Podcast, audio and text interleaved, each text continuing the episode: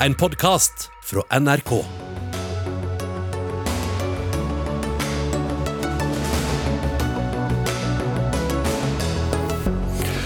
Norge vil ikke oppheve patentrestriksjonene på covid-19-medisiner, slik India og Sør-Afrika ba om, men det vil plutselig USAs president. Bra for verden, pinlig for regjeringen, mener partiet Rødt. En gledens dag, mener Norsk Folkehjelp om patentopphevelsen, mens humøret i legemiddelindustrien falt med aksjekursene. En konflikt om eh, fiskerirettigheter har ført til uh, marinefartøy utenfor Jersey og trusler om å kutte strømmen til den britiske kronkolonien. En konflikt som er helt ute av proporsjoner, mener ekspert. Og overgrep, korrupsjon og misbruk av midler. Knusende rapport om SOS Barnebyer. Ja, Riktig god kveld og velkommen til Dagsnytt 18. Jeg heter Espen Aas, der vi også skal eh, diskutere en omstridt 22. juli-kronikk. Kronikkforfatter Ole Jems Onsdag møter AUF og Unge Høyre til debatt. Men først. Nå vil altså USA og president Joe Biden støtte forslaget om å oppheve patentbeskyttelsen for koronavaksiner, slik land som India og Sør-Afrika har foreslått flere ganger. Norge har sittet sentralt i WHO-gruppen, som eh, jevnlig har hatt dette spørsmålet oppe, og konsekvent mot, gått mot det Biden nå støtter. Men i dag sier UD at de støtter Bidens initiativ. Er det en eh, litt pinlig helomvending, dette, Jens Frølich Holte, statssekretær i Utenriksdepartementet? Nei, eh, for det er ikke helt riktig fremstilling av, eh, av det som har skjedd her. Utgangspunktet her var at India og Sør-Afrika hadde et forslag om å oppheve patenter på alt mulig medisinsk utstyr, vaksiner og, og mye veld, veldig vidtrekkende forslag. Også ingen geografiske begrensninger. Ehm, det forslaget hadde ingen støtte i WTO. Ehm, det var et forslag vi var skeptiske til, for at det ikke ville gi økt vaksineproduksjon. Ehm, og Så har vi oppfordret Sør-Afrika og India til å komme tilbake med et nytt forslag. og Så venter vi det i slutten av mai. Men i mellomtiden nå så har USA kommet med et kompromissforslag. og Dette er jo akkurat det Norge har ønsket hele tiden. det At partene skal komme nærmere hverandre. slik at... Så det var veldig stor forskjell på de to forslagene? altså? Ja, USAs forslag er vesentlig innsnevret. Det gjelder bare vaksiner. De viser også til i uttalelsen sin at patentvirkemidlet bare er en del av løsningen på dette problemet. og Det er et syn som Norge deler helt med USA, uh, og som vi har påpekt gjentatte ganger i denne debatten, er at det handler om mye mer enn å bare oppheve patenter. Det er ikke tegn på at det er patenter som er flaskehalsen her. Det gjelder å få opp produksjonskapasitet i utviklingsland. Det er mangel på innsatsfaktorer til vaksinene.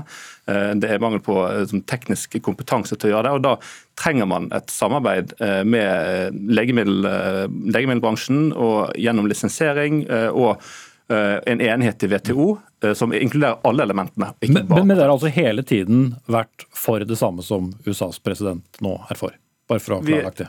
Vi har hele tiden vært for å finne en løsning i WTO. Akkurat hvordan den ser ut, det kommer an på hvordan forslagene som ligger i bordet vil bli senest ut. Ehm, vi har vært skeptiske til at eh, vi skal ha et vidtrekkende patentunntak som går eh, uten, uten, geografi, og det var ikke noe angitt noen sånn tid hvor lenge det skulle vare heller. og det, Konsekvensene av det som India og Sør-Afrika foreslo var veldig vidtrekkende og egentlig litt eh, usikre. og Det kunne i verste fall redusert vaksineproduksjonen og insentivene til innovasjon for å bekjempe f.eks. de mutantene som vi ser nå. Så Det var vi skeptiske til. Men det at USA nå kommer med et nytt og innsnevret forslag, det er, er veldig positivt. og vi, og så kommer også da India og, og, og um, Sør-Afrika med uh, et revidert forslag i slutten av mai. og uh, Når uh, man begynner å nærme seg hverandre, så kan man finne en løsning. og Det, det å finne en, en, løsning i WTO gjør jo at det binder for alle landene. og Så får du sett på mer enn bare patentspørsmålet. for Det, ja. det, det, det okay. Det, det, har du nevnt. Rødt-leder Bjørnar Moxnes, du er med oss på, på linje. Du har kalt dette pinlig for regjeringen i dag? Ja, Det er jo litt pinlig eh, at, eh, at, Joe Biden eh, er mer solidarisk enn den norske regjeringa og tar en lederrolle, til forskjell fra den norske regjeringa, som hele veien har stritta imot patentfritak, som jo åpenbart for alle at må gjennomføres for å sikre at vi får nedkjempet pandemien på globalt nivå. Det er et faktum at patentene står i veien for å få økt produksjonen, ikke minst i India, raskt, og skalert den opp til langt større nivå enn vi har per i dag. Det er også helt åpenbart at det haster eh, veldig med å få et patentfritak, få delt på kunnskapen. tatt i bruk produksjonskapasitet i mange land, som ikke nå får brukt det fordi det er omgitt av hemmeligheter og det er underlagt legemiddelselskapenes intellektuelle eiendom. Vi har forsøkt, sammen med sivilsamfunnet i Norge, å få den norske regjeringa med på en litt mer progressiv kurs. Det har vist seg vanskelig. De har avvist det veldig kontant, sammen med og det skal jo sies, eh, sammen med Frp og Arbeiderpartiet. Så de har ikke vært alene om det, Men det er bra at vi nå ser bevegelse takket være da USA av alle. Og Det er kanskje på en måte bra at vi for en gangs skyld har en regjering da, eh, som er veldig USA-lojal. At de da ikke har noen egen patentpolitikk, men tvert imot følger USAs patentpolitikk når den da er hakket mer progressiv enn den norske. Så er det et annet poeng som er viktig, og det er jo at eh, det er viktig at vi også ser på andre sider enn bare vaksinene. Eksempelvis var det tidlig pandemiens selskap eh, Gilead som tok patent på en medisin som man ga til covid-19-pasienter. Det patentet som de fikk på det, det hindra effektivt at omkring halvparten av verdens befolkning fikk tilgang til medisinen, så de kunne behandle sine covid-19-pasienter. Så Én ting er vaksiner, her må vi ha et patentfritak, sette menneskelige behov Eh, og liv og helse foran legemiddelbransjens eh, profitt og inntjening, men også sikre at vi går løs på medisiner, utstyr som trengs for å behandle okay. også covid-19-pasientene. Det er også viktig. Ja. Eh, men Holte, dere har jo sittet også i studio her og, advart mot å oppheve patentbeskyttelsen tidligere. Har det også endret seg, med f.eks. at vi har sett bildene fra India de siste ukene?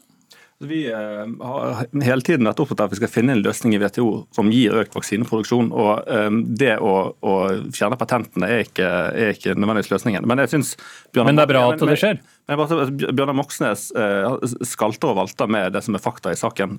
Det er ikke patenter som er begrensningen og flaskehalsen akkurat nå.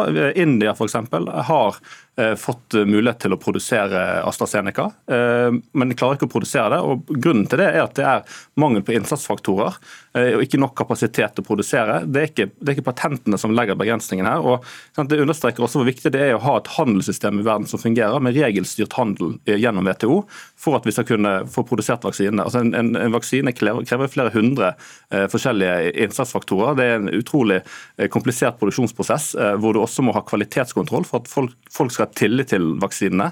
Så det er, eh, det er, ganske enkelt å bare peke på denne patent... Eh, dette mm. Men, men, jeg bare må... Ja, det vi så, altså En studie fra LSI i London i februar viste at eh, land med bare 16% av verdens befolkning hadde sikret seg 70% av vaksinene, ikke minst pga. at det er en skjevfordeling, men også en manglende produksjonskapasitet, som også skyldes at man har i hvert fall så langt latt de store globale legemiddelselskapene får beholde patentene i fred, selv om mange land i sør, fattige land, også mange tidligere verdensledere, har bedt rike land gå i spissen for en solidarisk løsning på samarbeid, framfor å holde oppskriftene på disse medisinene og vaksinene hemmelige.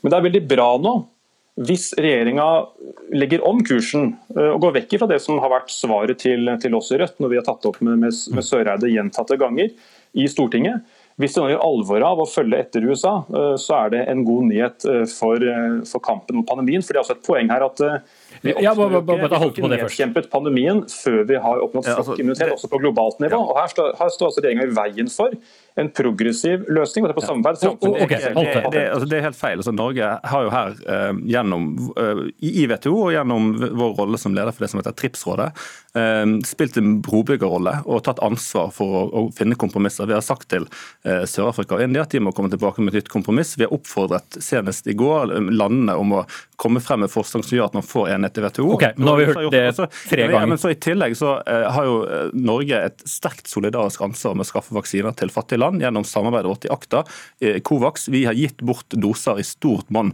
til fattige land og kommer til å fortsette med å gjøre det i tiden fremover. Så Norge tar et veldig stort globalt ansvar eh, som går langt utover den diskusjonen vi har akkurat her. Ok, Karita Bekke Mellem, du har sittet og hørt på dette, administrerende direktør i, i legemiddelindustrien. Eh, når du har hørt eh, UDs representant, kjenner du igjen det samme budskapet nå som tidligere? Det vi hører Rødt tar ordet for, det er jo en uansvarlig adhocpolitikk mot regjeringa, som kan få alvorlige, langsiktige konsekvenser når det gjelder hele den globale helsa vår, og ikke minst økonomien vår. Eh, og Vi begynner jo i helt feil ende. Her er det fokus på legemiddelindustrien som et problem, fordi at vi har hatt utviklinga, har en patentbeskyttelse for å hente inn kapital, som gjør at vi kan forske og utvikle på nye innovative men, men betyr den... Det det betyr, det er at problemet i dag, det er tilgang på råstoff og det høyteknologiske produksjonslokaler. Men har det ikke noe å si for dere heller at man hever den patentbeskyttelsen? Altså, selvfølgelig har det store konsekvenser. og Pfizer i dag, den eh, dosa vi bruker i Norge i dag, den har 280 ulike komponenter som samles fra hele verden. Og Pfizer har Så det er ikke bra sin... at den eh, oppheves? Nei, og, Pfizer har i dag økt sin produksjon fra ca. 1 milliard doser til opp mot 2 eh, milliarder. Og og Grunnen til at vi har fått til det, er jo fordi at den har gått inn i et samarbeid med konkurrerende legemiddelselskap for å utnytte ledig produksjonskapasitet. Mm. Så, så, regjeringen bør ikke støtte det uh, Nei, det vil være en livsfarlig politikk. Dette er populisme uten at den har satt inn i hva dette er. og Det kan virke som at opposisjonen kjører et løp om at den skal prøve å finne en løsning ut av det, som kan føre Norge inn i et alvorlig alvorlig spor med store helseutfordringer på sikt. Moxnes.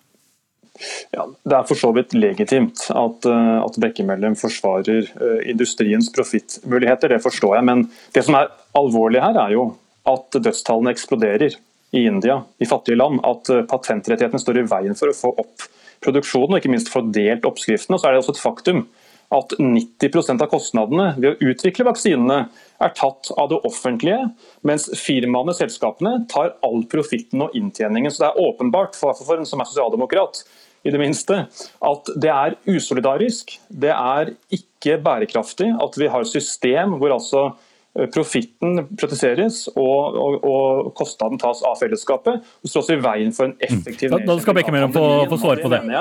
At Bekkemellem bør ta inn over seg disse faktaene. Vi er enige om én ting, og det er at produksjonskapasiteten må opp. Men i dag så er én av ti legemidler som omsettes, er faktisk falske. Den største produksjonen av falske legemidler i dag det kommer fra Kina. Så da må du komme opp da med klare, konkrete forslag. Hvor er de produksjonsfasilitetene av kvalitet som myndighetene godkjenner, som kan ta over det som eh, legemiddelindustrien i dag leverer på gjennom kvalitet og i samarbeid med myndighetene? Så tar vi et lite skjeneskifte i, i, studio for å ivareta smittevern, og, og sender ut uh, statssekretær Jens Røhl Kolte fra UD, og bytter ut uh, med deg, Henriette Westrin, generalsekretær i Norsk Folkehjelp. Dere kaller dette en gledens dag, men uh, hvis det da er riktig at det ikke er så viktig med disse patentrettighetene, og at det hele handler om, om produksjon og tilgang på råstoff, hvorfor er det så stor glede? Fordi at det, største problemet, og det tror jeg eh, vi er enige om, er at det er for få vaksiner i dag. Eh, det gjør at prisene presses opp.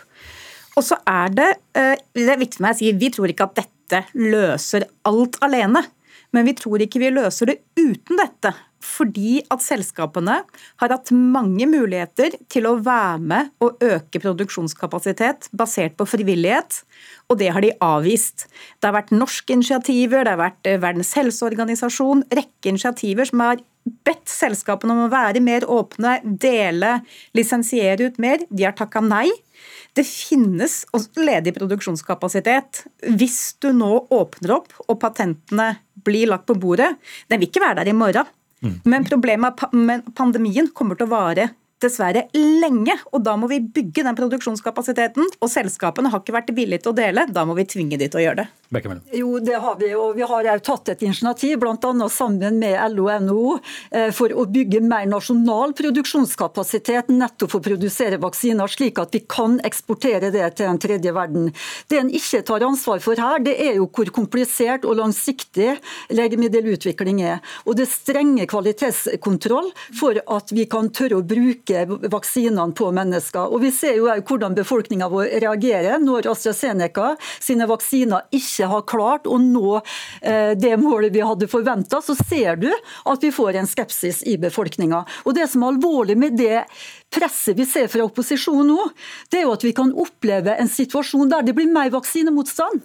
Og Det er det verste som kan skje i en pandemi, Men- der befolkninga blir bekymra for at vi ikke får vaksinasjon som er trygg. skal selvsagt ikke redusere på kvalitetskravene. De skal være like produsere- gode. Hvem skal produsere det Det industrien gjør i er, dag? det er jo produsenter. Det finnes en rekke er- medisinprodusenter. WHO sier det er 50 bedrifter med ledig kapasitet. Verdens helseorganisasjon har sjøl samla 50 produsenter som sier de er villige til å bidra inn i dette. Og WHO er jo de som har godkjenningsmekanismen i de landa hvor det ikke selv driver kvalitets... eh, har god, god nok eh, tilsynskontroll. Så det ansvaret Det er Vi snakker Dette er jo er verdens Ok, ok, men- men kommer dere nå- som sier dette. Ja, men nå må vi ikke snakke med på hverandre, alle mann øh, og kvinner. Eh, Men, men Bekke Mellem, eh, altså legemiddellobbyen i USA jobber da knallhardt for å få Biden til å skifte mening.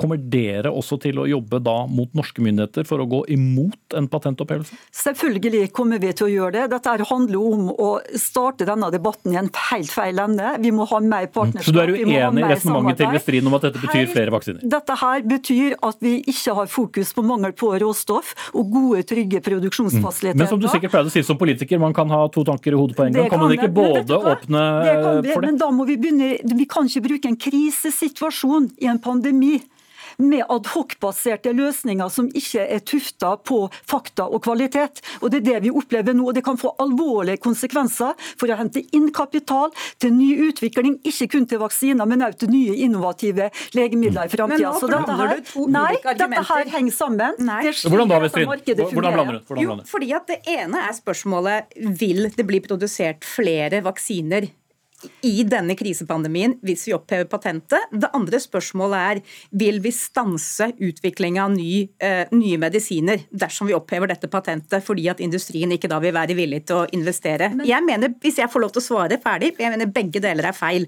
For det første så er det det offentlige har tatt nesten all risiko på utvikling av disse vaksinene. De har spytta inn nesten 90 milliarder dollar. 97% av finansieringa av AstraZeneca har vært offentlig. Og vi ga, blir vi leverte innkjøpsavtaler før vi visste hva de ville ved suksess. Så risikoen har tatt det offentlige, profitten har gått til medisinprodusentene. det- Det, det er det ene perspektivet. Og det andre perspektivet, som handler om dagens tilgang. Det finnes bedrifter som er klare. WHO er villig til å være med å gjøre kvalitetskontrollen. Det er Verdens helseorganisasjon vi snakker om. Vi snakker ikke om liksom en sånn tilfeldig aktivist. Det er liksom, De sier dette er løsninga, vi må stole på Verdens helseorganisasjon. og det er- La oss ha det tur i året. Ta det siste først, Det Bekke Mellom. da når vi har Stoler du ikke på Verdens helseorganisasjon når de sier at det finnes 50 Det bedrifter som står der? og vi har utnytta all ledig kapasitet gjennom et samarbeid, men det må være kvalitetskrav i forhold til å kunne produsere. Og Du skal få lov til å levere den lista på bordet vårt, så skal vi gjerne gå inn og se på det. Og Så kan du òg kommentere hvorfor ikke Norge da er mer aktiv når det gjelder å få i gang nasjonal produksjon av legemidler. Der står industrien klar, vi kan levere, men det engasjementet det er ganske fraværende. Men så eh, påstandene om profitt som både Rødt-leder Moxnes kom med, og som Westrin eh, gjentok nå. Offentlig finansiert, og så er dere mest bekymret for egen inntjening. Nei, her handler det om at mange av våre selskap har utvikla og distribuerer vaksinene også til selvkost. Og så er det òg slik at du er nødt til å ha inntjening. Det er slik at disse selskapene henter inn privat kapital for å stå for utvikling. Og det å ha et patentregime, det handler om at du forsker, du utvikler, og du har et kort tidsløp i forhold til den utviklingsprosessen du har hatt, som kan ta 20 år, og du tjener penger kun 10-12 år. Og Derfor så er det en sånn, det må være sunnhet og bærekraft i det å utvikle legemidler. Og det er ingen nasjonalstater som har muligheten til å ta over det legemiddelindustrien, både nasjonalt og globalt, står for. Men de har finansiert det. Dette er jo ikke en, Vi skal ikke fjerne patentregelverket på varig basis. Det, vi står i en krise. Millioner av mennesker dør. Vi må ha en kriseløsning. Nå må det være alle mann til pumpene. Og da kan det ikke Og da, da må nettopp altså land nå stille opp. og Råstoffproduksjonen den øker hele tida, og det må vi fortsette med. Og ta bort, Ja, vi vi må ta bort eksportrestriksjonene. Hvert enkelt lands produksjonskapasitet på råstoff må gå på maks. Jeg tror at nasjoner vil ta det ansvaret. De har allerede begynt å vise. det med å fjerne patentrettighetene. Nå har jeg tro på at vi endelig er på et konstruktivt spor. Du, du, du, viser jo til WHO, og de eh, peker jo òg på alvorligheten med falske legemidler. De blir produsert i Kina, de blir distribuert i den tredje verden. Der er det største markedet for det. Og Hvor er da engasjementet, hvor er kvalitetskontrollene og mekanismene vi kan bruke for å hindre nå at det blir produsert falske vaksiner? Og det er mitt anliggende. Hvis vi gjør feile politiske grep nå, kan det få alvorlige konsekvenser for oppslutninga rundt vaksine. Krisen er allerede akutt. Vaksinemotstand allerede er stor. Ja, men du begynner i feil ende. Vi må okay, ha men Nå går vi litt i ring på argumentasjonen, så jeg skal la dere få muligheten til å fullføre det over tvisten ute. Takk til Henriette Westring, generalsekretær Norsk Folkehjelp, og Karita Bekkemellem, administrerende direktør i legemiddelindustrien.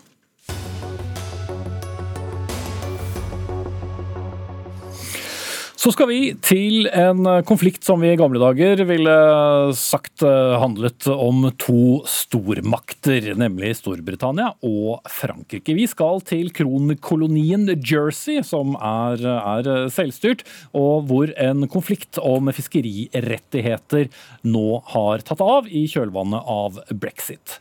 Jersey, som altså er britisk kronkoloni, ligger rett utenfor kysten av eh, Frankrike i Den engelske kanal. Og farvannet har blitt dominert den siste tiden av franske fiskere som viser sin misnøye med de fiskerirettighetene de nå har etter brexit. Storbritannia har svart med å sende to britiske marinefartøy, etter at Frankrike på sin side truet med å kutte strømmen til Jersey. Fiskerne har nå i ettermiddag avsluttet sin aksjon og er på vei tilbake til Frankrike. Europakorrespondent Simen Ekern eh, med oss fra Frankrike. Hvordan gikk denne demonstrasjonen til de franske fiskerne? Ja, det kommer litt an på hvem man eh, spør. Jerseys myndigheter sier at eh, tonen var bedre nå som man har eh, fått startet eh, samtale, men representanter for de franske fiskerne sier at man ikke har blitt enige, og at man kommer til å se lignende aksjoner framover hvis man ikke letter på disse nye restriksjonene, nye kvoteordningene som, som fiskerne i Frankrike mener bryter med avtalen og, og gjør det umulig for dem å fortsette å å fiske sånn som de har vært eh, vant til, og sånn som de har vært lovet i en lang overgangsperiode eh, etter, eh, etter at brexit ble et faktum. Mm. Og så blir da altså Jersey av alle ting dratt inn i denne konflikten. og Som i likhet med alle kanaløyer, så har de aldri engang vært medlem av EU, men ble altså et stridens sentrum. Hvorfor ble det slik? Nei, De ble sånn fordi eh, det er altså sånn at i en overgangsperiode så, så, har franske fiskere de samme rettighetene som de har hatt tidligere til å fiske i eh, disse farvannene. Eh, fiskere på Jersey sier de er fornøyd med avtalen sånn som den har vært, fordi den sikrer også tilgang til eh, markeder eh, for deres fiskere. Men nye restriksjoner har nå kommet til. Det handler om at man må bevise hvor lenge man har fisket i disse farvannene. I tillegg så sier de franske fiskerne at det har kommet nye tekniske restriksjoner på båtene, bl.a. at de skal være utstyrt med en bestemt type GPS-ordning for at de skal kunne overvåkes, at de ikke har fått beskjed om dette, ikke har fått tid til til å utstyre eh, fiskebåtene sine med dette utstyret, og, og mange ser vel dette som et slags tegn på at man blir brukt som brikker i et annet spill. Franske kommentatorer eh, har i dag snakket om at eh, dette kanskje eller kanskje ikke har noen ting å gjøre med et, et, pågående valg i Storbritannia, at det har vært viktig for eh, den britiske statsministeren å, å, å vise muskler. Så, så, Som vanlig i disse diskusjonene som har med Frankrike og Storbritannia å gjøre, så får man iblant en følelse av at det også handler om andre ting enn, enn akkurat bare fiskekvoter. Mm. Så takk til deg, europakorrespondent eh, Simen Ekern. Og så vender vi oss til deg, førstelektor ved Universitetet i Oslo, Øyvind Brattberg. Du mener at denne konserten, ikke konserten, men konflikten snarere, har blåst helt ut av uh, proporsjoner. Hvorfor det? Det er vel ingen tvil om at, uh, at, at man her slår på, på stortromma over det som for de fleste praktiske formål er en rett nok en konflikt, men konflikter eh, forhandler man om og kompromisser man omkring, og så finner man veier videre. Dette er jo i bunn og grunn en, eh, en markedskonflikt, en handelskonflikt, slik man er er vant til å løse innenfor sømmelige rammer, og spesielt mellom to naboland. Så Det er ganske, eh, et ganske begredelig syn å se dette utspilles, og ekstra begredelig fordi det legger en del føringer for hvordan Storbritannias relasjoner til EU generelt og til Frankrike spesielt skal utspilles etter brexit, så er ikke dette her noe lovende prospekt. Så uh, var jeg i kontakt med en rådgiver uh, i Det konservative partiet i dag som sa lakonisk at uh, Henry den 8. ville vært stolt av det som skjer. Og, og, noe av alle disse reaksjonene ligger jo også i, i forhistorien her. hvordan da? Altså Det er jo en, en kolossalt lang forhistorie når det gjelder Storbritannia og Frankrike og deres gjensidige rivalisering. Eh, både knyttet til eh, territorier og, og, og maktforhold og prestisje, to konkurrerende imperier osv. I Jersey så går det jo tilbake til, til eh, normanderkongene og, og 1200-tallet, da Storbritannia fikk beholde eh, si, kontroll og eierskap. Men i den nærere forhistorien, som også er veldig interessant her, så, så handler det om, eh, om, to land som etter annen verdenskrig tok grunnleggende forskjellige strategiske valg i hvordan de skulle forholde seg til omverdenen. Frankrike la alt inn på, på det europeiske prosjektet og gjorde europeisk integrasjon til en slags eh, forsterker for, for fransk prestisje og innflytelse. Storbritannia har alltid blitt stående halvveis utenfor det prosjektet. Nå er de, nå er de helt utenfor. Og da er veien kort til et sånt eh, agg mot det franske og en, en, forståelse av at vi kommer ikke til å komme overens. Det kommer aldri til å bli eh, samarbeid som gagner alle parter. Den enes gavn er den andres savn, så å si. Mm -hmm. Og så mener du også at Frankrike overreagerer her i litt sin iver for å straffe Storbritannia for, eh, for eh, brexit. Eh, men, men hvorfor gjør de det på denne måten? Det har jo vært et, gjennomgående, det har vært et mønster gjennom hele brexit-prosessen også, at den skarpeste brodden fra, fra EUs side, de, de, de drøyeste uttalelsene, har typisk kommet fra eh, medlemmer av den franske regjeringen. Også den, den klareste forståelsen av at brexit bør være en smekk over fingrene til Storbritannia. kan umulig være noe som skal, man skal kunne Eh, komme til gode samarbeidsløsninger over. og Da, da har vi også denne stadige eh, disse stadige referansene til at hvis, noe, hvis de gjør noe galt her, så skal vi sannelig slå tilbake på et annet felt. Finanssektoren har vært mye diskutert i så måte. Fisk mot finans. altså Hvis eh, Storbritannia begrenser våre fartøyer i fiskeri, så skal vi begrense britenes eh, muligheter, finansielle muligheter i, i Europa. Så det er, en, en, det er på et vis en, en destruktiv tennismatch, hvor mm. eh, Frankrike inntar den ene halvdelen. Da får vi sette strekk i denne omgang. Takk skal du ha, Øyvind Brattberg, førstelektor ved Universitetet i Oslo. Og så får vi også nevne at uh, Norge også påvirkes av det hele, og må forhandle nye fiskeriavtaler med både EU og, og, og Storbritannia. Men inntil videre så er disse satt eh, på vent. Fiskeriministeren var også invitert til studio for å snakke om dette, men hadde ikke mulighet til å være med.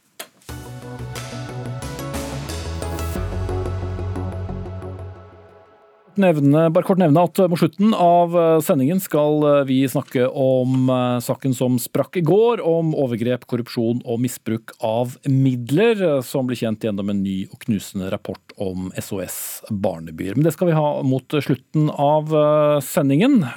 SV-leder Audun Lysbakken uttalte nylig på partiets landsmøte at sitat, 'festen er over' for de rike. Partiet vil nå ha økt formuesskatt og gjeninnføring av arveavgiften.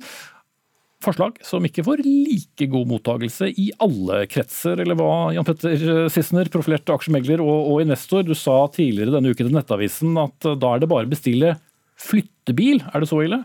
Ja, hvis du er, tilhører de aller, aller rikeste, så er det dessverre det. Eh, det er også slik at Norge skal inn i en omstillingsprosess. og Vi er avhengig av å skape masse nye arbeidsplasser. Og Hvis man ser på, og det er det jo, at formuesskatten f.eks. er en kapitalkostnad, en ytterligere kapitalkostnad, altså rentenivået er null, en formuesskatt på 1,2% vi skaper et større avkastningskrav, så vil ikke vi nå opp i konkurranse noe sted i verden. Mm. Men, men, er dere så på grensen at eh, en økning fra 0,85 til 1,1 i, i, første instans øh, vil ramme, ramme, dere så hardt? Ja, det er uh, ganske mye. for Husk på at denne formuesskatten generelt også er etter skattpenger. Og det er ikke slik at uh, nystartede virksomheter nødvendigvis genererer kjempeoverskudd til å betale denne forrentningen eneste, fra start hvert eneste år. Uh, det gjelder formuesskatten. Når det gjelder arveavgiften, og da få 70% arveavgift på de aller største formuene, så er det jo slik at uh, skulle f.eks. Røkke falle bort, hvis vi tar hans tall fra 2019, så hadde han 19,6 milliarder i formue. Da måtte han ut med 13,5, eller arvingene ut med 13,5 milliard i arveavgift. Men for å betale de 13,5 milliardene, så må de jo realisere alle verdiene. Og Da får de i tillegg realisasjonsskatt. Så Hvis de da hadde realisert alle 19,6 milliardene, betalt sin realisasjonsskatt, så hadde de endt opp med å skylde samfunnet omtrent 500 millioner kroner i skatt, og ingen eiendeler. Mm. Så da er det bare å rømme. Kari Elisabeth Kaski, medlem av finanskomiteen for eh, SV. Du står last og brast ved din partileders eh, uttalelser. Festen for de rike er altså over. Men eh, når du hører tallene fra, fra Sissener, angrer du? Nei, overhodet ikke. Og det er helt åpenbart at vi trenger å gjøre det. Og jeg vil si at det SV foreslår her, heller ikke særlig radikalt, sammenlignet med, med, både tidligere tiders historie i Norge, men også eh, utviklinga i mange andre land. Og nå er det et, et, tidsskifte her der du ser at flere og flere land går bort ifra eh, en, en, tanke om at vi skal ha lavest mulig skattenivå, til å se at eh, kapitalen egentlig er skatta veldig, veldig lite. Mens inntekt er skatta mye, eh, samtidig som kapitalens andel av økonomien har vokst i stadig større grad. Og Det betyr internasjonalt at flere og flere land nå går i retning av å innføre både formuesskatt, som har vært borte, og arveskatt har nå de fleste land, med unntak av Norge. Så, så det her mener jeg klok politikk, både for å sikre omfordeling, men jeg vil også si at det er fornuftig for norsk økonomi og vil bidra til økt effektivitet i økonomien. Mm. Umiddelbart vil jo mange tenke at når du først har kunnet tjene deg så rik eh, som du andre har gjort i Norge, hvorfor skal ikke da dere bidra mer til eh, fellesskapet? Jeg tror ikke du skal engste deg over at vi ikke bidrar. Altså hvis du tar de siste ti årene, så har jeg jo ligget på en skattesats på 150% av inntekten min. Det, og det er det jeg selv har betalt. Så jeg tror ikke du behøver engste deg over det. Eh, så du har tapt penger ved å betale skatt? Du har gått i minus? Nei, men altså, hvis du summerer inntekt, eh, inntektsskatt og formuesskatt i prosent av inntekt, så har jeg gått i minus i mange år. Ikke så mye i det siste, men i mange år før det. Det, det spiller ingen rolle. I gamle dager så hadde du et tak. Ingen skulle betale mer enn 80% og det kunne kanskje være et tak til at ingen skal betale mer enn 100% av det de tjener i skatt. Men dette ble en Ok, men la, la, la oss gå tilbake til uh, forslaget fra SV. Ja, altså forslaget til Vi skal inn i en omfordeling. Jeg sier kan vi ikke beskatte penger som tjenes, istedenfor eiendeler man har. Og Dette er særs viktig når vi nå skal som vi har vært inne på, inn i en omstillingsprosess. Du skal, hvis du hadde et Colombi-egg, la oss si du ville starte en Tesla. Du kan ikke starte en Tesla i Norge. Du kan starte en Tesla i Strømstad. Det er 100 km unna. Det er ingen formuesskatt og det er ingen arveavgift. Og Da kan du vokse. Men i Norge tar du Norges, en av Norges største suksesser det siste, Kahoot. Bare økningen i eh, det foreslåtte økningen i formuesskatt vil koste eh, han eh, gründeren eh, Eiler Thon Anoa 5 millioner kroner ekstra i året i formuesskatt. Det vil si at han er nødt til å selge aksjer for 7,5 millioner kroner i året for å betale formuesskatten.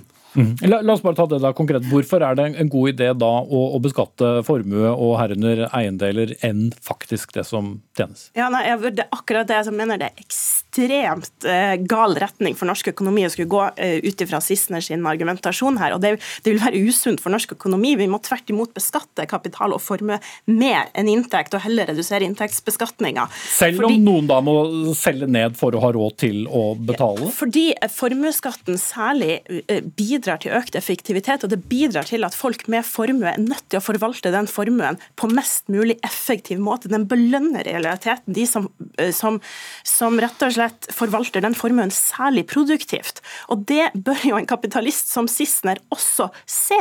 Eh, så i, i, stedet for å tenke at vi skal øke skatten på inntekt, så bør vi øke skatten på kapital, på formue, som, som formuesskatten.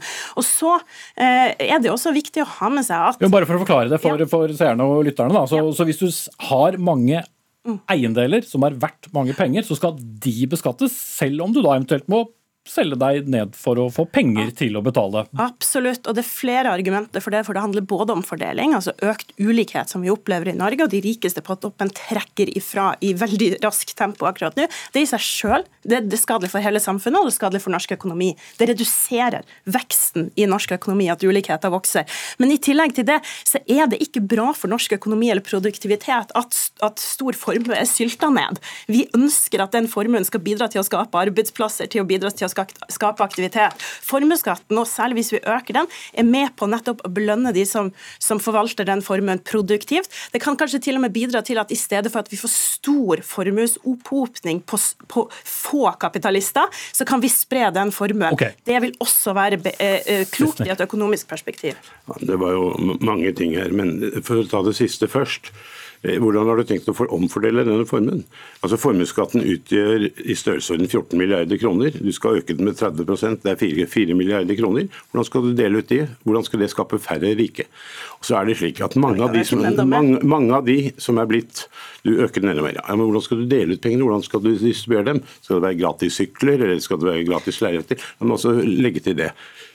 Grunnen til at mange er blitt veldig rike, særlig de siste par-tre årene, skyldes én ting, og det er at renten har gått til null. Nå kommer inflasjonen, det bør du ikke være i tvil om, og renten skal opp igjen. Tror du de kommer til å bli relativt like, enda rikere? Det gjør de ikke. Punkt to, du må forklare meg hvordan eh, en effektiv forvaltning med formuesskatt skal kunne skape flere arbeidsplasser enn det man ville gjort uten. Nå er det slik at formus, Du snakker om nedsylting. Jo, men Vi har to minutter igjen, så la oss heller bare svare konkret på det. Nedsylting har skjedd. Vi har hatt veldig mye penger i Norge er dyttet ned i eiendom. Det gjelder privat eiendom, og det gjelder også at man har næringseiendom. Og de ikke betaler. Så setter dere opp eiendomsskatten. Ja, og Det foreslår SV i vårt, eh, i vårt budsjett. Vi vil, eh, vi vil innføre sant? skatt på eiendom, øke på formue og arv og kutte på inntektsskatten. Det er jo det som er også ganske bred konsensus om blant økonomene. Og det å kunne beskatte formuesobjekter ganske likt også er klokt. Og så er det ikke, hva skal si, det er ikke først og fremst de aller mest formuende i Norge jeg er bekymra for hvis renta øker. Det er folk med, med dårligere råd og den høye gjeldsbelastninga som vi har i Norge akkurat nå. Så, så det er klart at i årene framover så trenger vi å omstille dramatisk norsk økonomi. Det å hente inn mer penger til omfordeling, ikke til gratis eh, sykler, selv om Sissener sikkert har et bilde av at det er det SV holder på med, men til å kunne drive aktiv næringspolitikk i nettopp grønnere retning, til å kunne drive omfordelingspolitikk, velferdspolitikk, for å møte de utfordringene som vi står overfor, overfor med, høye, med, eh, med høye klimagassutslipp og, og stor ulikhet. Åpenbart så vil vi ha behov for de pengene hvis vi skal trekke Norge i grønnere og mer rettferdig retning. Mm. Norge har vel ikke noe økonomisk si, noe problem med penger. Så Det du snakker er jo peanøtter uansett. Du må forklare meg. Lag et businesskonsept hvor dette egentlig fungerer. Men dette er ikke, altså Hvis du ser på de, Norge er høyt rangert av Verdensbanken på land å drive næringsvirksomhet i. Vi er et av de aller mest suksessrike landene når det kommer til næringsvirksomhet. Vi har vellykka gründere som ikke klager på formuesskatten, som ikke har et problem med det. I realiteten er formuesskatt og arveskatt de mest effektive skattene vi kan innføre i Norge, men de problematiseres mest og får mest oppmerksomhet fordi det er de rikeste som betaler de, i motsetning til annen skatt. Så må det være, jeg beklager jeg må runde av, fordi skal det bli noe av forslagene til SV, så må de også få med seg andre partier, herunder Arbeiderpartiet Arbeiderpartiet og Senterpartiet. Så får vi se om det er igjen litt til salt i såret likevel. Takk til Jan Petter Sissener eh, og Kari Lisbeth Kaski.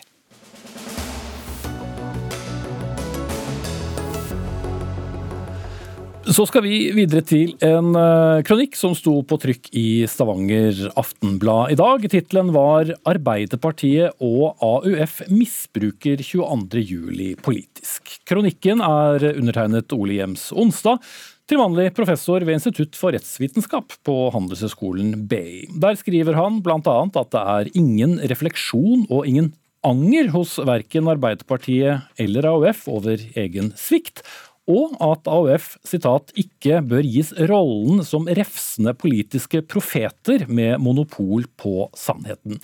Hva forfatteren av kronikken mener skal vi komme til om litt, men først Astrid Hoem, du er leder i AUF og overlevende fra terrorangrepet 22.07 i 2011. Hva tenker du om kronikken? Nei, Når jeg leser det, så er det jo først og fremst sårende og provoserende. Men det er dessverre ikke sjokkerende. Det er det samme vi leser i våre innbokser, i kommentarfeltet. Eh, det bygger på mange av de samme konspirasjonsteoriene eh, som vi ser mot Arbeiderpartiet gjentatte ganger. Og det insinuerer veldig langt på vei at AUF og Arbeiderpartiet sjøl har skyld i terrorangrepet 22.07. Og det mener jeg er en drøy påstand, en ugrei påstand, og ti år etterpå så burde vi vært et helt annet sted i debattklimaet enn her. Eh, og Det skrives også at vi har som noen form for frikort. Jeg tror det er veldig få som vil si at det oppleves som et frikort når man får drapstrusler eller andre ting. Eh, så her syns jeg kronikkforfatteren kunne ha gått litt i seg sjøl og kanskje bidratt til hvordan vi skal ta det her politiske oppgjøret. Og gjerne diskutere det med oss, for det sitter ikke vi med fasiten. Men, eh, men være med og diskutere hvordan vi kan unngå at det skjer igjen. Mm. Så det du sier er egentlig at eh, det som er skrevet i denne kronikken, er de samme tingene som dere har møtt gjennom ti år? Det er det samme som jeg får meldinger om, og mest sannsynlig får meldinger når jeg går ut av det Dagsnytt 18-studioet her også. Mm. Eh, da har vi med oss Solhjems eh, onsdag da. Eh, begynner med å spørre deg hvorfor du skrev dette innlegget? Nei, Det er helt enkelt fordi det er en dyp uro over den veien samfunnsdebatten tar. Hvor det er slik at det blir en sånn skille mellom de som tilhører min gruppe, det er de snille og de som ikke tilhører min gruppe, de er de stygge. Vi har sett det veldig tydelig i USA med Trump, men vi ser også tendensen her hjemme. Og jeg blir litt urolig når eh, Astrid Hoem eh, som gjenfører en sånn kronikk som er forsøksvis saklig, med konspirasjonsteorier og de sikkert forferdelige meldingene hun får i sin eh, innboks. Mm. Og, og, jeg synes at altså, det blir litt det samme at den som skriver en kronikk som sier han er uenig med Arbeiderpartiet og AUF med del ting, den personen er et stygt menneske, og han ligner disse hatsmeldingene jeg får med innboks. og det, det blir jo veldig galt. Men, men, du skriver litt flere ting enn bare det. da, men Bare for å avklare én ting først. Uh, Jems Sonstad, hvem skriver du på vegne av? For Du, du undertegnet jo innlegget med professor ved Institutt for rettsvitenskap på, på Handelshøyskolen BI, men det var vel ikke den egenskap du skrev dette? Nei, det er det absolutt ikke. Det er som samfunnsborger. Men det som har vært en sånn utvikling Jeg skrev også en del kronikker da hendelsen skjedde, 22.07 skjedde, og de var også gjenstand for debatt. og Da forsøkte jeg på en måte å få fjernet liksom eh, professor og Handelshøyskolen BI fra fra omtalen, men avisene har gjennomgående krevet okay. at du skal ha en referanse når du skriver. slik at... Ok, Men, men la oss, jeg vil bare ha presisert det, siden BE ba også selv om at dette ble, ble, ble, fjernet i dag. Men la oss gå til innholdet da, Jens Olstad. Det var jeg, jeg, jeg, som ba om at det ble fjernet. Ja, ok, men de har visst også gjort det. Men du kritiserer altså Arbeiderpartiet for ikke å angre over sin egen svikt. Og jeg tenker at Enhver som leser da kronikken, lurer på hvilken svikt er det da tenåringer har som rømmer fra en tungt bevæpnet eh, terrorist? For det var jo det som skjedde. Nei, De har ingen svikt. Det som eh, var problemet på Utøya, var jo manglende beredskap. Og Dette er jo en problemstilling som Norge nå er inne i rundt pandemien. Altså Det er vanskelig å, å, prioritere beredskap, fordi at du er ikke i den situasjonen der du trenger beredskapen før ulykken skjer. Og Det gjelder jo vårt forsvar, som er eh, altfor svakt. Og det gjelder jo, og det tror jeg ingen er uenig i. Mm. At eh, beredskapen på Utøya var ikke slik den skulle være. og Uten at det er noe jeg har greie på, så er jeg helt sikker på at Arbeiderpartiet har bedret den vesentlig. Mm. Og så, uh, bare for å ta en ting til. Du anklager også en ikke navngitt Ap-politiker i, i, kronikken din for ikke å dra ut og redde ungdommene. Og, og over telefonen i dag har vi da avklart hvem dette er. Men han kom jo frem til Sundvolden en time etter at terroristen var pågrepet av politiet. Føler du at du har satt deg godt nok inn i hendelsesforløpet før du skrev kronikken?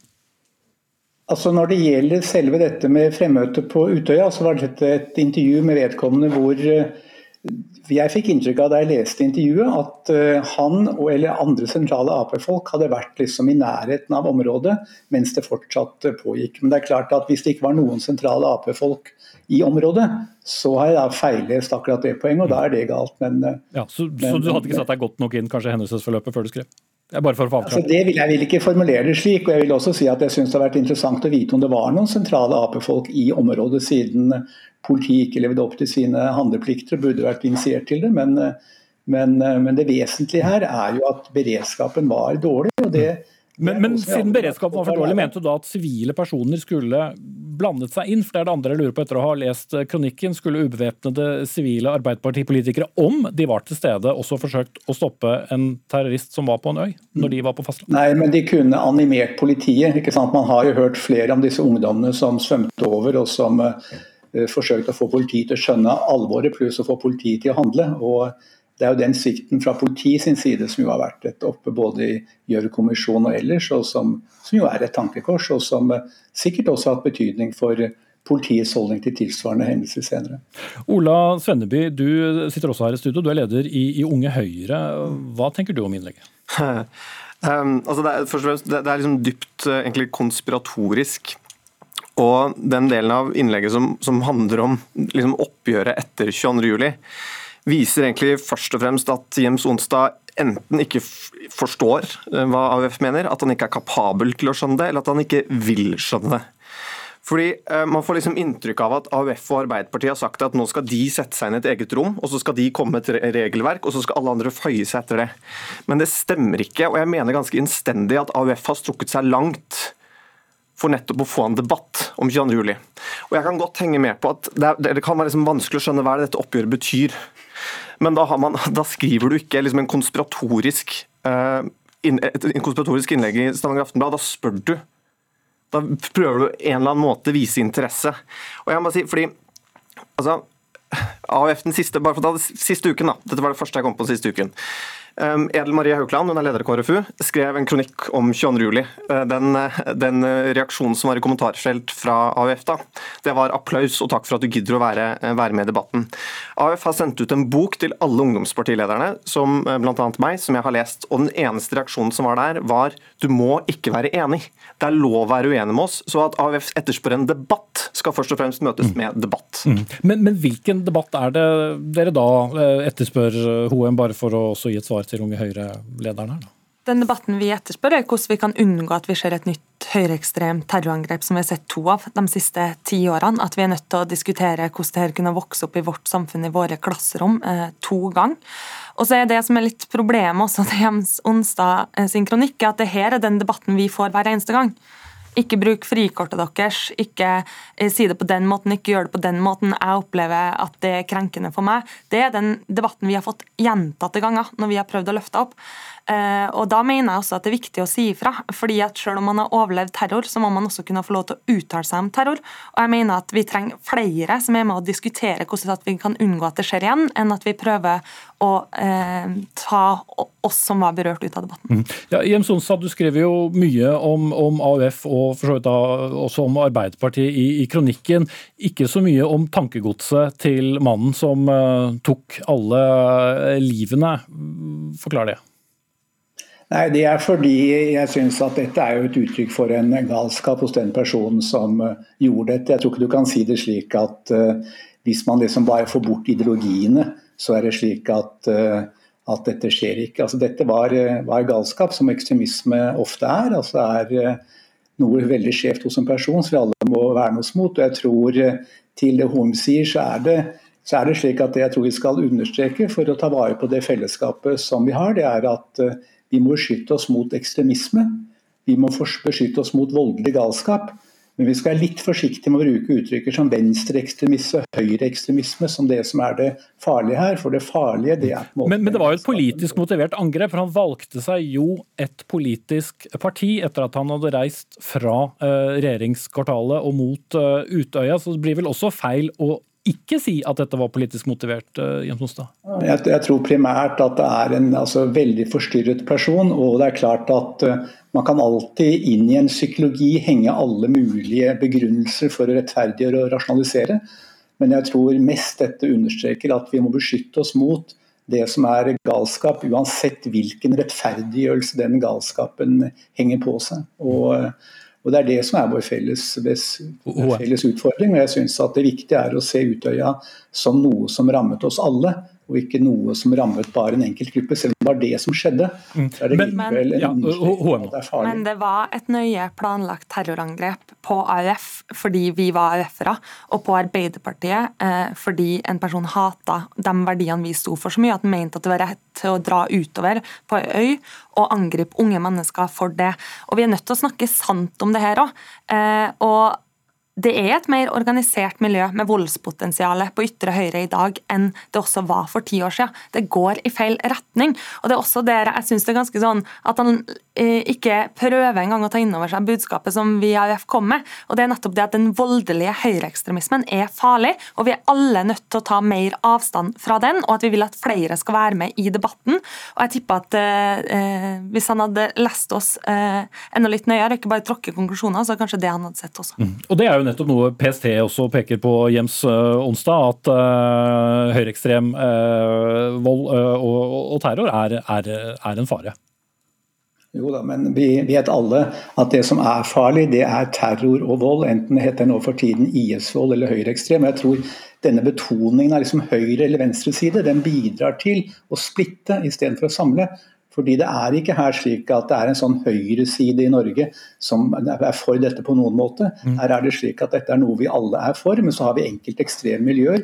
De men, men, de to terrorhendelsene som vi har hatt i nyere tid, har jo hatt et uh, ideologisk uh, grunnlag på ytre høyre. Er du ikke enig i det? Selv om du, jeg skjønner at du først og fremst vil kalle det for galskap?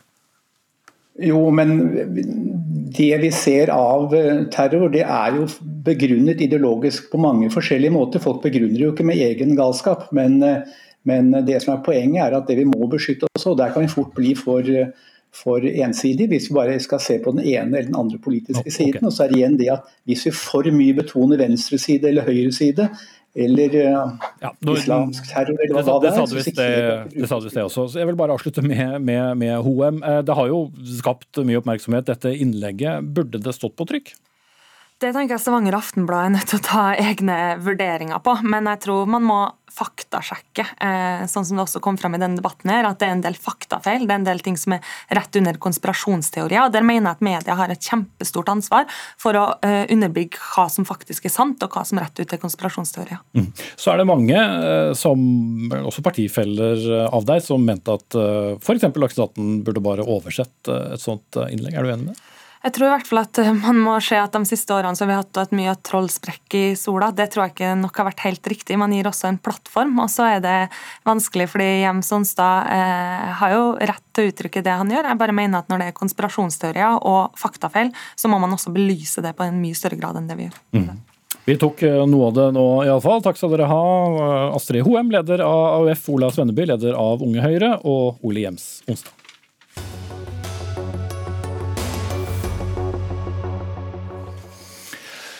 Alle de norske fadderne i SOS Barnebyer fikk nylig en tekstmelding med informasjon om at organisasjonen som skulle hjelpe barn, i stedet har utnyttet noen av dem. I to eksterne eh, rapporter avdekkes en rekke alvorlige forhold ved driften av, eh, av organisasjonen internasjonalt. Overgrep, hemmelighetskultur, korrupsjon og misbruk av innsamlede midler. Og Det var Klassekampen som omtalte dette først. Sissel Aarak, eh, generalsekretær i SOS Barnebyer.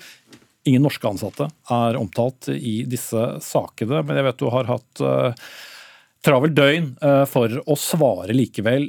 Hva er det disse rapportene forteller om den organisasjonen du er en del av? Det forteller korthet det vi også har fortalt til fadderne våre og alle våre støttespillere. At vi har i enkelte deler av eh, vår organisasjon hatt en kultur hvor Eh, utfordringen både innenfor korrupsjon og innenfor beskyttelse av barn, at det har vært skjult når vi ikke har håndtert det sånn som vi er enige om at vi skal håndtere det i vår organisasjon. Mm. Vi vet jo da alle formålene med, med organisasjonen, men så eh, ser vi da også at noe slikt kan vokse frem. Og vi snakker jo over lang tid her, tilbake til 1990-tallet, så jeg forstår. Eh, hvorfor skjer slikt? Det er mange årsaker til at slikt eh, skjer. Eh, først og fremst SS Barnebyer opererer i 135 land. 135 land med svært ulike utfordringer. Og vi driver en høyrisikovirksomhet. Vi tar vare på barn 24-7. Det krever at vi er mye mer på vakt og ansvarlig enn mange andre, fordi vi nettopp tar vare på de mest sårbare. Mm. Men når dere er så mange steder, er da også en del av forklaringen at det er umulig å avdekke? Det skal ikke være umulig å avdekke. Ethvert tilfelle er ett for mange, og vi skal ha rutiner på plass, vi skal ha retningslinjer på plass. Alle barn skal høres, og det er helt uakseptabelt hvis det ikke blir hørt. Mm. Bård Vegar Solhjell, direktør i Norad, dere har jo ansvar med å da kvalitetssikre norsk eh, bistand. Hvor eh, alvorlig er denne saken? Altså, det her er en spesielt alvorlig og, og grov sak. Mm. Men ikke unik heller? Ikke unik, men eh, i norsk sammenheng helt uvanlig, men òg i internasjonal sammenheng svært alvorlig. Og fordi det handler om selvsagt òg om overgrep mot barn. De, de er ramma eh, av en internasjonal organisasjon som skulle beskytte dem. Kanskje derfor også er det jo veldig fortjenestesfullt at eh, norsk SOS Barnebyer har vist den åpenheten har satt i gang den granskninga. Det er nå enormt viktig at alt kommer fram. Som, så vi har i dag fått den rapporten og kommer fra Norads side nå til å gå dypt inn i spørsmålet. Mm. Eh, også, ja, som du sier, for så vidt, Ingen saker er jo like, men det har jo gjennom flere år vært mange organisasjoner hvor det er avdekket om ikke like, men altså tilsvarende tilfeller i forskjellige nivåer av organisasjonene. Men Handler det da om at det er mye penger i omløp? Er det et system som er lett å utnytte? Hva, hva tenker du? Altså, da tror jeg først skal si at Fra Norads side er vårt klare inntrykk og vår erfaring at for det meste når bistanden fram der den skal. Og f.eks. våre partnere i norsk sivilsamfunn er gjennomgående profesjonelle og svært gode. Men, men, klart, øh, for det første, det er kanskje det vanskeligste området i verden man ofte jobber i. Det er ekstremt komplisert. Eh, og det definitivt òg fordi det er store penger, så fins en korrupsjonsrisiko, en misligholdsrisiko. Og det er vanskeligere å følge pengene når noe er langt borte og, og fjernt og komplekst, enn hvis det er nært. Så det, det, er helt åpenbart at det ligger betydelig risiko, og derfor har det vært enkelte saker av veldig stort alvor. Og så vil jo alle organisasjoner at mest mulig av pengene som vanlige mennesker betaler inn, skal brukes til nettopp bistand. Men så må man da gjøre en avveining, må man ikke det? Om du da skal bruke mer av midlene til å etterforske om du har eh, medarbeidere som gjør det som er meningen med pengene. Ja, Det er et veldig godt poeng. Eh, enten det er et offentlig byråkrati som oss, så har vi den avhengigheten. Vi, vi, gjør veldig mye forebyggende på forhånd, nøye vurderinger. Vi går etter alle varsler, og, og særlig de grove og alvorlige, nøye. Eh, men eh, enten det er hos oss eller det er hos SOS Barnebyer og andre, så vil alle at pengene mest mulig skal nå fram, og minst mulig skal gå til administrasjon.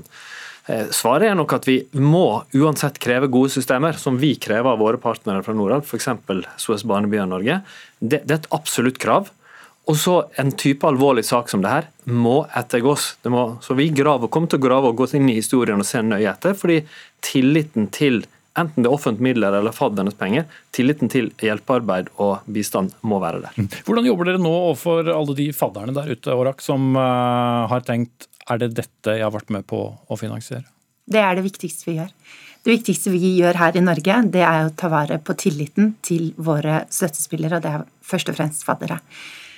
Så det jobber vi med. Vi har samtaler med dem. Vi besvarer hundrevis av e-poster. Vi har For det er mange henvendelser nå? Det er mange henvendelser som det blir når man sender ut en sånn e-post. Og det forventet vi, og det vil vi klare til å besvare. Mm. Men, men, som jeg sa til Solhjell, dere blir nå også stående, både da SOS Barnebyer i Norge, men hele organisasjonen oppe i en situasjon hvor dere må bruke mye ressurser, personlige ressurser, altså, eller personellressurser og penger, rett og slett, for å ettergå noe, og de samme ressursene burde egentlig gått til barn. Ja, det er veldig dyrt å feile. Det er ingen tvil om det. Og det vi må gjøre, er å sørge for å ha alle strukturer og systemer på plass. Heldigvis så har vi det langt på vei, men det er nå identifisert tilfeller hvor vi har feilet, og det må vi rette opp i. Og det må vi gjøre uavhengig av hva det koster. For vi trenger tilliten, men viktigst av alt, vi trenger å ta vare på hvert eneste barn. Mm. Men flere tiår med, med mislighold, det høres jo ut som en nærmest umulig oppgave å, å skulle nøste opp? Det er nok ikke en umulig oppgave å nøste opp. Ja, denne uh, rapporten avdekker forhold langt tilbake i tid som kan vært avsluttet også langt tilbake i tid, men det er ikke avsluttet på den måten som vi er enige om at ting skal avsluttes på, enten ved at folk de som er ansvarlige, er blitt straffeforfulgt, eller ved at de barna som har blitt utsatt for ulike former for overgrep, har fått den støtten de trenger. Mm. Vi må straks runde av, for klokken nærmer seg sendeslutt. Men handler det også om at dere må gjennomgå deres egen organisasjon på et høyt nivå? Er det, er det ledere som sitter med ansvar, som ikke har levd opp til det ansvaret? Jeg har en klar forventning om en betydelig utskiftning i ledelsen. Og det har SS Norge med styret fulltidlig, enstemmig allerede bedt om. Ok, da setter vi strek. Takk skal du ha, Sissel Aarak, generalsekretær i SØs Barnebyer, og Bård Vegar Solhjell, direktør i Norad. Og Da er vi ved veis ende med denne sendingen. Dag Dørum var ansvarlig for innholdet. Hanne Lunås tok seg av det tekniske. Jeg heter Espen Aas, og jeg er tilbake igjen med ny sending i morgen til samme tid. Takk for nå.